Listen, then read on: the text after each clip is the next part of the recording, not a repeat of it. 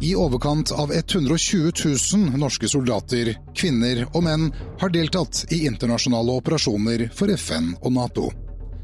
Norske soldater har utvist stort mot og profesjonalitet i krevende situasjoner. De har tjenestegjort på land, til sjøs og i luften. Noen kom ikke hjem. Andre fikk fysiske eller usynlige skader. Noen få er blitt hedret og æret som krigshelter. Felles for alle er viljen til å yte det lille ekstra for at andre skal få nyte den freden og friheten vi andre tar for gitt. Vi kan ikke tillate oss å glemme dem. De må få fortelle sin historie fra egen munn. Et øyeblikk, en evighet, gir deg norske soldaters mest intense øyeblikk. Øyeblikk som varer en evighet.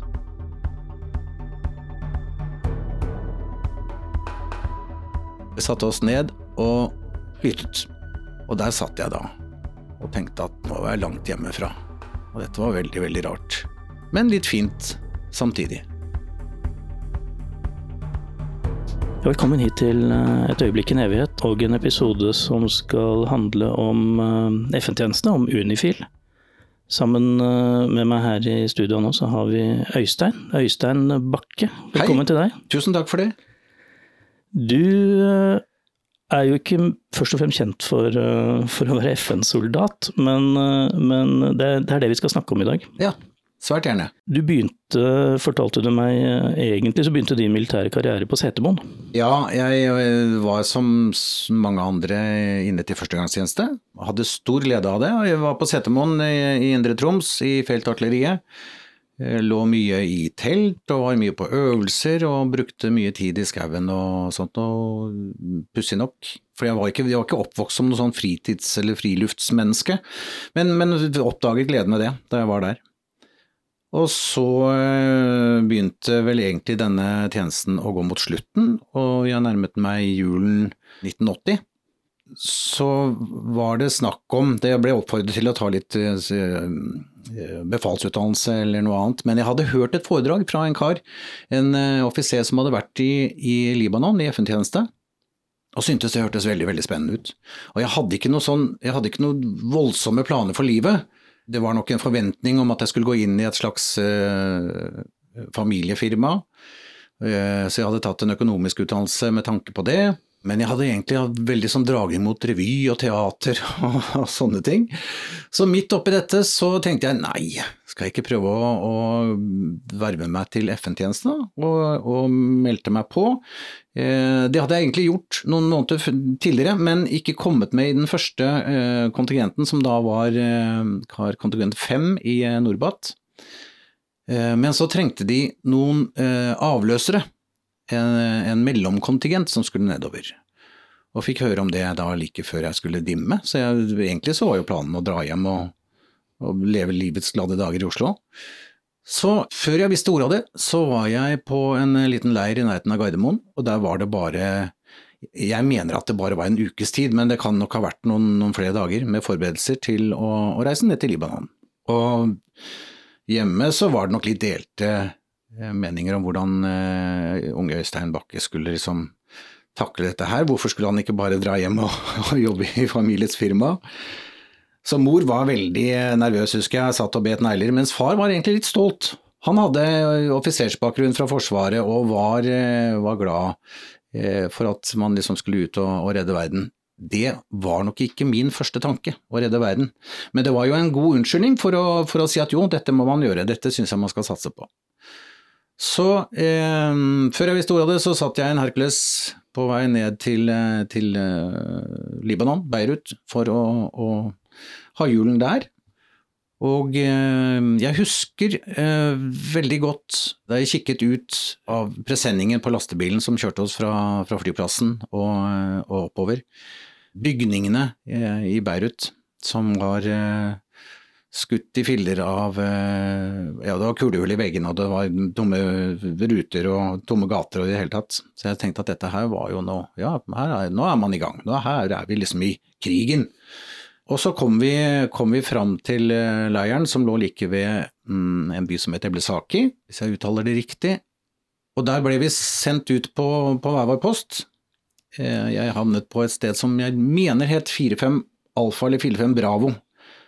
4-5 Alfa var vel sikkert eh, sjekkposten nede ved veien, tenker jeg. Og så kom jeg fram til leiren.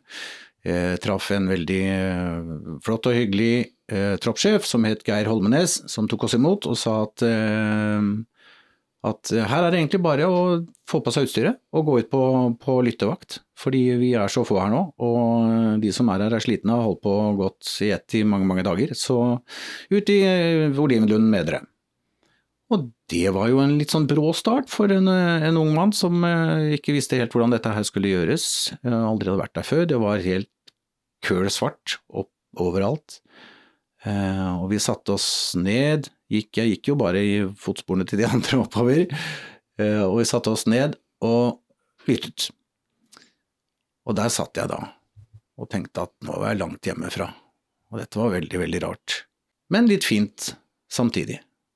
Og så hørte jeg noen lyder, mest fra han soldaten som jeg da ikke gikk sammen med, som eh, var litt sånn brå i vendingene og litt Og plutselig så smalt det voldsomt, og opp røykte, føykte en sånn lysrakett. Og han ropte ut at her var det folk, og vi måtte bare komme oss eh, bortover og sjekke og anholde og, og sette i gang. Og da gikk nok pulsen ganske høyt, altså, jeg må innrømme det. Eh, vi så ingenting, fant ingen i det hele tatt, så kom oss tilbake til leiren. Eh, og Da jeg da liksom skulle rapportere om hva som hadde skjedd, så hadde jeg litt problemer med å forklare hvorfor, men jeg, jeg stolte bare blindt på han medsoldaten min og sa at uh, det var noen folk der ute, men vi fant dem ikke, og klarte ikke å anholde dem.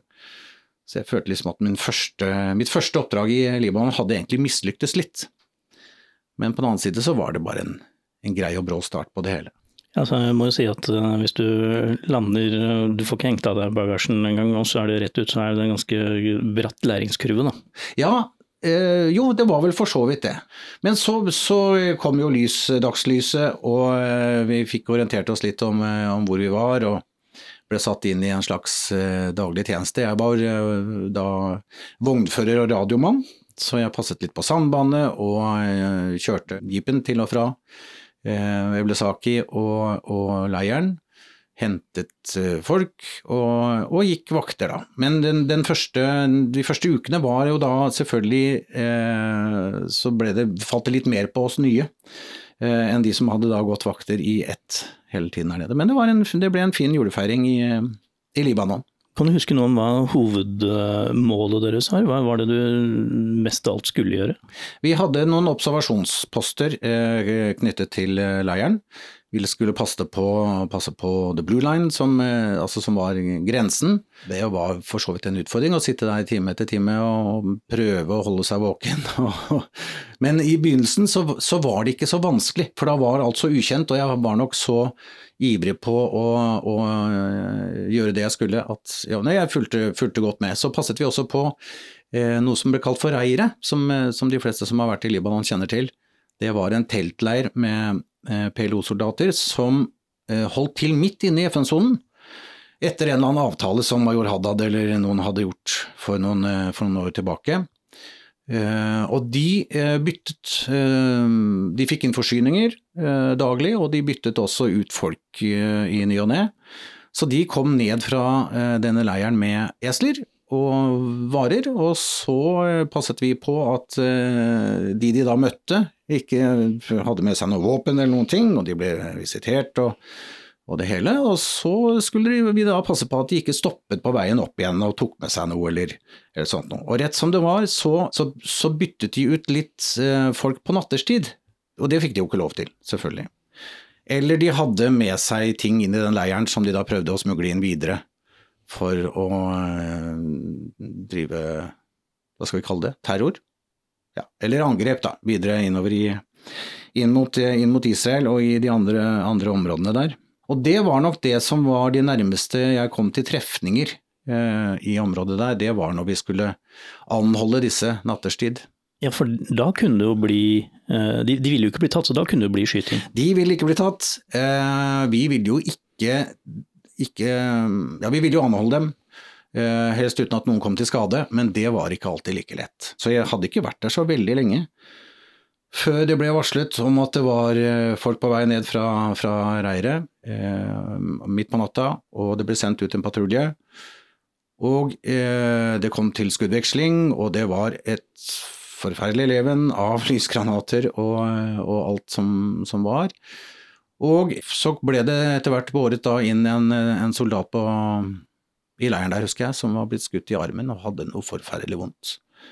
Men det, det som imponerte meg litt, det var at de som da tok den inn, som hadde vært utsatt for eh, livsfare der og da, og hadde vært i skuddveksling, de var mest opptatt av å, å få denne karen på beina igjen, eller altså eh, pleie sårene hans, sørge for at alt var stabilt, få han til en, eh, i en ambulanse og på, på sjukehus.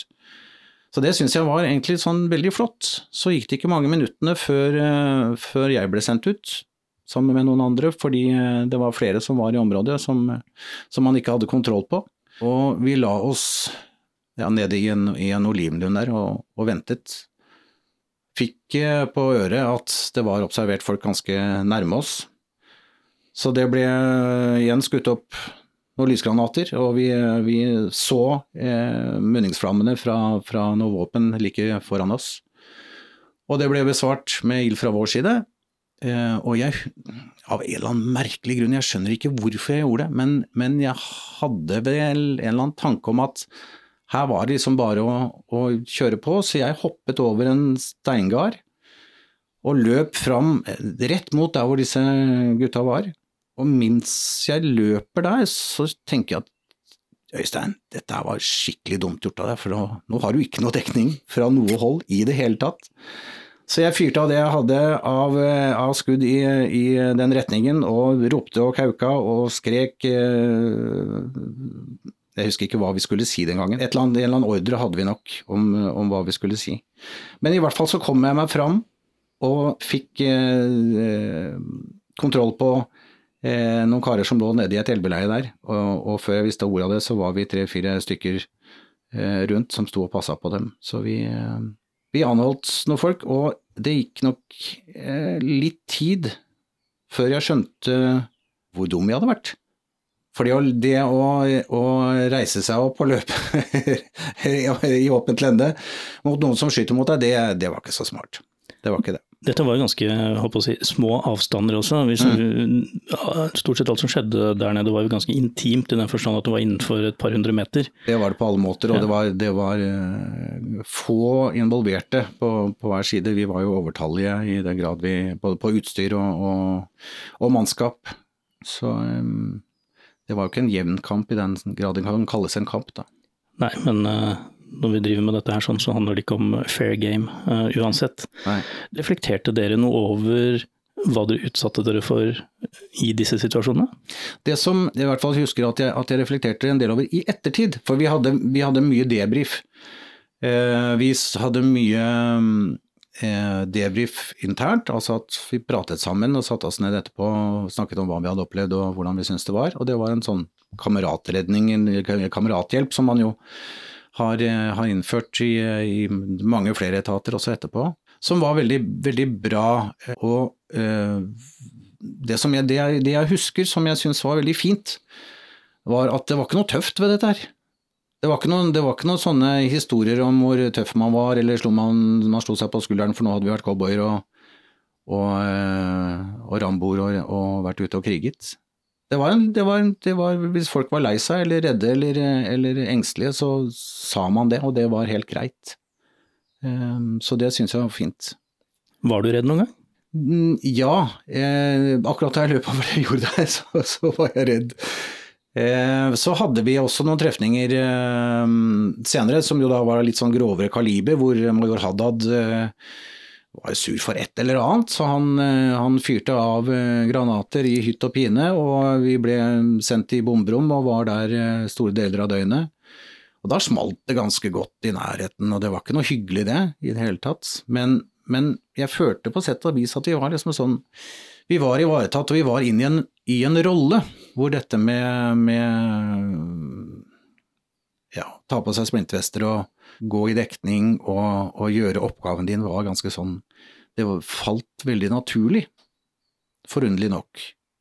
Og det er kanskje det jeg har, har tenkt på mye i ettertid også. Ehm, vi skal ikke ta oppsummeringen allerede nå, men, men, men jeg trekker jo linjer til, til dette med at jeg, jeg ble veldig, veldig forundret over, mest i ettertid, over hvor naturlig det falt for meg, over hvor naturlig det falt for en, en ung gutt fra Norge å rette våpen mot noen andre mennesker. Skyte for å skremme. Skyte for å si at nå må du gå videre. Altså rett og slett skyte varselskudd. Og skyte for å forsvare seg selv, altså og i verste fall drepe eller skade.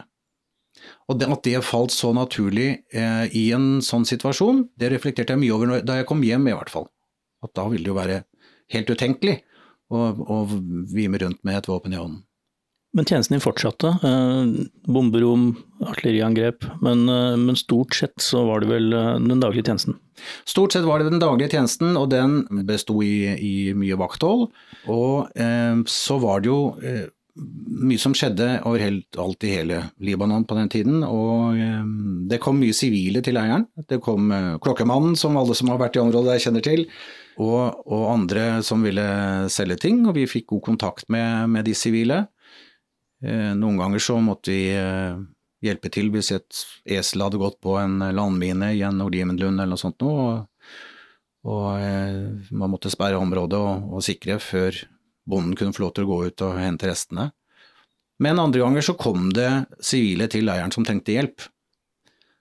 Og vi skjønte, eller ja, det var jo en del trefninger og uroligheter lenger sør i Libanon også mens jeg var der, og da kom flyktningene nordover. og, og de oppsøkte FN-leirene for, for, for, å få hjelp.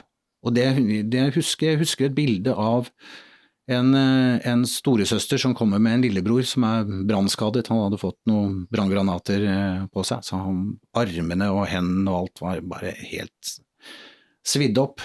Eh, han sto der helt apatisk, og de, de øynene de, de, kan jeg se fortsatt i dag.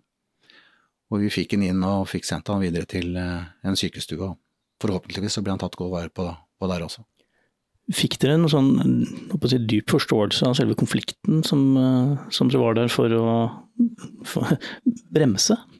Ja, i, i, svært begrenset grad. Jeg må nok innrømme at som eh, litt sånn Oslo vest-gutt som dro nedover i ung alder, så så eh, hadde vi jo ikke noe særlig annen informasjon enn den vi hadde eh, fra nyhetene hjemme. Selvfølgelig så hadde vi fått en, eh, en info på, under forberedelsene før vi, før vi dro. Men det gikk jo i hovedsak på å dempe konflikten, passe på at de sivile fikk lov til å, å, leve sine liv, og hindre at andre militære kom igjennom. Men jeg fikk jo relativt raskt en forståelse for at hvis eh, major Haddad eller, eller, andre bestemte seg for å komme, så var det ikke så veldig mye vi kunne stille opp med. Eh, vi skulle ikke gå i, i regelrette krigshandlinger. Eh, det var mer snakk om å, få, å dempe og, og, og, eh, forsvare oss selv og de sivile. Men, eh, men, det som jeg jo så, det var jo hvilke, hvem dette jo egentlig gikk utover politikk kan man alltid bedrive på, på høyt og lavt nivå forskjell, på forskjellige måter. Men, men det, var, det, er jo de sivile som dette går utover i alle, alle verdensdeler, egentlig, når, når, sånne konflikter oppstår. Og der hadde vi jo der hadde Unifil en, en misjon med at vi kunne trygge livene deres på et eller annet vis. Eh, kanskje opprettholde en viss form for handel, etter at vi jo kom inn og hadde med oss mer penger enn det, enn det de var vant til. Men øh, jeg var jo på noen permer. Jeg, hadde to lengre eh, opphold og et par andre turer også, hvor jeg var over i Israel og ned til Eilat og Rødehavet, som var et yndet sånn permsted for de militære.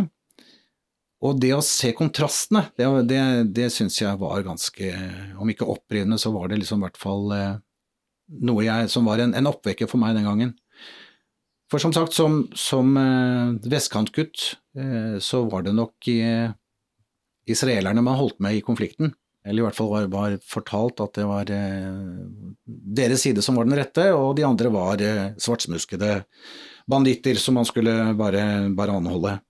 Men så så vi jo da som jeg nevnte, hvordan de sivile led, uansett hvem som sto for, eh, for eh, krigshandlingene. Og det å se kontrasten over i, i Israel, det syns jeg også var, om ikke opprivende, så syns jeg det var eh, litt demotiverende. For den, den, forskjellen kunne vi ikke gjøre så mye med. Vi kunne prøve å sikre de sivile et brukbart liv, men, eh, men, den store forskjellen i eh, liv og levestandard, den fikk vi ikke gjort så mye med. Tjenesten din gikk jo over etter hvert. Kan du huske liksom, avslutningen og du, overgangen til å komme hjem? Ja, vi, halvveis her så byttet vi jo mannskap. Eh, og da var eh, jeg og et par-tre andre de som sto for litt av kontinuiteten, fordi vi jo da hadde vært der noen måneder allerede. Og etter hvert så ble dette et veldig naturlig liv. Eh, som sagt så var jeg på noen permer i, Israel. Jeg reiste ikke hjem da når jeg hadde fri. Jeg dro til, til Eilat og tok dykkerlappen og hadde gode dager der. Og, og syntes det var veldig fint. Lurte på om jeg skulle ta et halvt år til hvis, det, hvis anledningen bød seg, men så var det det å komme hjem og kanskje begynne å studere og, og få i gang et sivilt liv hjemme som, eh, som, tok overhånd. Eh, så selve avslutningen på det ble en, en vi prøvde, vi prøvde en gjeng å, å, eh, å, dra opp og la oss rundt reiret så nærme vi kunne. For å liksom ta en sånn, om ikke grand finale, så skulle vi i hvert fall eh, ta de som prøvde å snike seg ut. Heldigvis så, så, gjorde de ikke det, så det ble ikke noe mer trefninger eh, av noe slag. Og som sambandsmann så, eh, så, hadde jeg også kontakt med dette reiret, denne Pelle-Lo-leiren, fordi vi hadde en, rett og slett en, en uh, telefonlinje opp. Så jeg var og vedlikeholdt denne, denne linjen uh, noen ganger. Var oppe i, i reiret da, like før jeg skulle reise om ikke for å si ha det, så i hvert fall for å vedlikeholde telefonen, og ble servert te, og alt foregikk veldig hyggelig og flott for seg. Og så var det en som begynte å snakke til meg på norsk. Han kunne ikke så veldig mye, men han hadde studert på Blindern i Oslo som student. Så det åpnet jo også litt av eh, en, en, om ikke lukket dør, men det åpnet også litt mer av forståelsen for at vi, at vi, er eh, Vi kan være så forskjellige vi bare vil, men vi har mer til felles enn vi aner med, med folk vi ikke kjenner. Nesten hvor som helst over hele verden. Men så kom jeg hjem, og du lurte på eh, avslutningen av dette. Jeg kom hjem, og vi hadde en eh, kveld på byen. Vi bodde på Perminalen eh, i Oslo som en litt sånn veldig debrief. Eh, og det endte jo bare med at vi dro på byen, selvfølgelig, eh, så fort anledningen bød seg. Og jeg så nok for meg at jeg skulle ha eh, tett og god kontakt med alle disse soldatvennene eh, framover. Men plutselig så var liksom det sivile livet der. Eh, jeg traff igjen gamle kamerater, og, og, Libanon ble ganske fort, om ikke glemt, men gjemt. Rett og slett fordi jeg hadde, jeg hadde problemer med å fortelle hva jeg hadde opplevd, og hvilke følelser jeg hadde hatt underveis der. Fordi det var, det var, vanskelig å få folk til å forstå. Det var vanskelig å forklare folk at du har skutt på andre mennesker eller, eller vært i stand til å drepe, uten at de liksom bare rynket på øyenbrynene og lurte på hva i all verden er det som har skjedd med Øystein nå. Nå må vi få han inn i noe psykiatri her, for dette er ikke bra. Han er ikke trygg lenger. Eh, så forskjellen mellom det militære og det sivile livet var, var, ganske stor. Det var en overgang. Jeg kom på også i, i forbindelse med at du, du, lurte på hvordan avrundingen av eh, oppholdet var. Det, var. det var kontraster, fordi det, en av de tingene jeg koste meg mest med, var å Jeg begynte å dyrke paprika. Jeg dyrket tomater eh, utenfor kjøkkenkroken som vi hadde. For det var et lite sånn tilskudd til disse konteinerne vi fikk med, med kylling i, eh, i brun, gul eller rød saus. Eh, det var jo det som var det varierte kostholdet der nede. Og det var to ting som, som jeg husker fra, fra, de siste dagene. Det ene, ene var um, at vi satt og uh, egentlig inne i prefaben og, og uh, begynte å, å, rydde. Så smalt det. Ganske kraftig, ikke langt unna. Kanskje halvannen meter. Og da var det en nordlending som sa 'Å, i steike helvete'. Eh, så ble det litt oppstyr. Eh, han hadde sittet og pusset hagen sin og ikke tatt ut det siste skuddet i, i kammeret, som, som, da gikk av. Så vi begynte å kikke da, hvor denne kula hadde gått. Den gikk gjennom skapet hans, gjennom prefaben. Det skal jo ikke mye til og eh, ned i kjøkkenet eh, gjennom en, eh, en lekablokk og ut ved tomatplantene som, som vi hadde planta der. Heldigvis. Et skudd er et skudd, men et, eh, et vådeskudd bør jo ikke treffe noen eh, på noen måte. Så noe litt mer alvorlig, og det var eh, da vi dro, så vi, kjørte vi ned til Beirut igjen for å fly ut derfra, og da så jeg jo hvor ødelagt den byen var. Den gjorde inntrykk da jeg kom, ved å se alle kulehullene og de knuste vinduene og, og de øde gatene. Men nå var jo liksom bygningene lagt helt i grus av, av bombardement. Så eh, om vi ikke hadde sett hvordan sivilbefolkningen eh, led på, på, på nært hold, så, så så vi det i hvert fall da. Det var, det var en krigssone som var eh, ikke langt unna der vi oppholdt oss. Opplevde du noen gang dette stigmaet som enkelte FN-soldater opplevde å få på seg opp gjennom eh, 80- og begynnelsen av 90-tallet? På den tiden så tror jeg det ikke var en eneste skolerevy eh, uten at du hadde med en litt sånn eh, kunstig brun eh, brunsminket FN-soldat med, med blå lue som fortalte om hvor grusomt det hadde vært å, å ligge og bli solbrent og, og sånt. Så ja, eh, nei, det var ikke noe voldsomt stigma, jeg kan ikke si det. Men, men jeg gikk nok Den veien jeg gikk videre, var nok ikke Der var det ikke stort fokus på forsvarsvilje og, eh, og det å ut og redde verden. Eh, For jeg gikk jo videre liksom til revy og teater. Ja, for du, du skapte jo et, eh, et navn mm. i ettertid, og de fleste kjenner deg jo fra, fra kanskje TV-skjermen eller ja, når du sier revyteater. Og ikke minst at du har jo reist veldig mye rundt i, når du har drevet med, med disse programmene dine. Mm. Har du hatt med deg noe som helst fra FN-tjenesten ut dit? Er det noe du kan eh, kjenne på når du har vært ute og reist at eh, jeg er glad jeg i, fikk med det halve året i, i Norbat?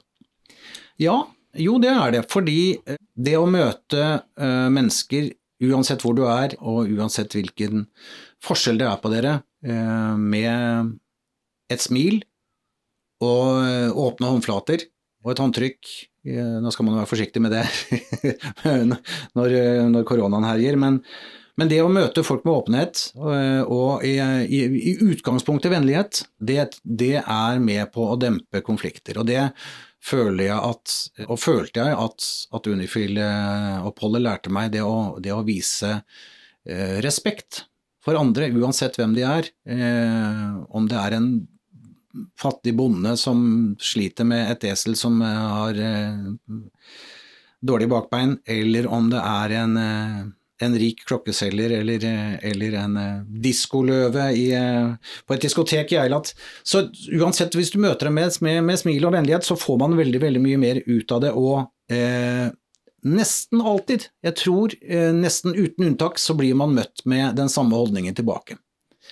De aller fleste mennesker her i verden er som deg og meg, som har eller ønsker å ha en jobb eh, og arbeide for å sikre ungene sine, eller betale ned et huslån, eller, eh, eller leve et helt vanlig liv. De aller fleste vil det. Har du noe bevisst forhold til det å være veteran? Nei, det har jeg eh, nok egentlig ikke. Jeg, jeg skal ikke si jeg har fått dårlig samvittighet, men, men det, det, det kommer et lite sånn stikk eh, hver gang jeg møter folk som har vært i FN-tjeneste, og som snakker varmt om det, og som plutselig drar opp et eh, arkiv med masse bilder og minner, og, eh, og eh, samler inn penger til de som sliter, eller, eller gjør noe, noe, aktivt i den sammenheng. Jeg, jeg, har ikke Jeg skal ikke si jeg har skjøvet det bort, men det har aldri vært noe naturlig fora i, i mitt nærmiljø til å snakke mye om det. Og så føler jeg vel også egentlig at det er, ikke, det, er, det er, de gode minnene derfra som jeg tar med meg videre. Så jeg har aldri hatt noe behov for å, for å tømme meg for, for, denne type historier heller. Eh, nei. Nei, nei, egentlig ikke. Men jeg, jeg, skulle fryktelig gjerne vært tilbake i, i, området og sett hva det var blitt til. Men kanskje egentlig ikke. Kanskje skulle man bare latt være, for kanskje er det bare en jordhaug igjen, eller Jeg vet jo at det ikke er det, da. Men, men, men det, det dukket opp Eh, det dukket opp en idé fra noen eh, kolleger her for ikke så veldig, veldig lenge siden, og det var eh, to jenter som hadde Begge fedrene hadde vært i FN-tjeneste. Og de lurte så på hva de hadde holdt på med, og hvordan de hadde hatt det. Så de ville ned og lage en, en dokumentar i området hvor jeg hadde vært. Så de tok kontakt med meg for om jeg kunne komme med noen råd og vink. Og da tenkte jeg at jo, det hadde, det hadde vært morsomt eh, å dra tilbake og, og, se. I årene etterpå, så, altså, du har jo blitt uh, komiker mye. Altså, du har, uh, du har lagd uh, mye humorprogrammer. Men jeg har aldri sett at du har ledd av Forsvaret og de som har deltatt. Det, det har du aldri tatt fram? Nei, det er nok ikke noe Jeg tror ikke det er noe bevisst at jeg ikke vil gjøre narr av Forsvaret. Eh, men, men, det skal sies at eh, vi var jo for så vidt litt inne på det tidligere, men, men det at man gjorde narr av og flåset med FN-soldater da jeg kom hjem, det, det, det stakk litt. Det, det, gjorde det. Men jeg har, nei, jeg har vel egentlig aldri hatt noe Jeg har kanskje ikke sett nok humor i det, da. Kanskje fordi jeg har, har oppdaget at, at det er mye realisme i det. Men nå går det jo eh, en, en eh, suksessserie på TV 2 mot Kompani Lauritzen som tar for seg mye av det militære på en, en underholdende måte. Jeg syns det er bedre enn å drive og lage vitser om, eh, om hvor dumme militærfolk er. Angrer du på at du dro? Om jeg angrer på at jeg dro? Overhodet ikke.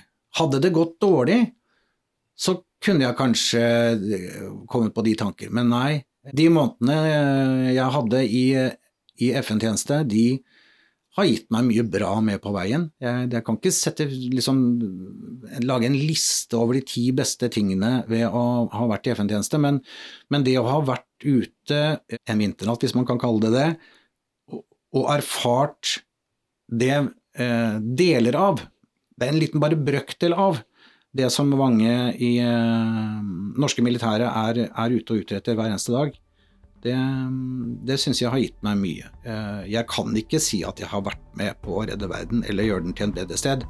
Det, det syns jeg kanskje den jobben jeg gjør nå, med å reise rundt og vise at det finnes fine folk på, overalt i verden, er, er viktigere. Men det å ha det litt i bagasjen, det å ha vært med på det, det å ha gjort det, det, det, det, det er jeg glad for at jeg gjorde. Dette er en av mange unike historier om selvoppofrelse og mot fra våre soldater. Her lar vi soldatene selv fortelle om de intense øyeblikkene, akkurat slik de opplevde det. Historier som rett og slett er blitt et øyeblikk, en evighet.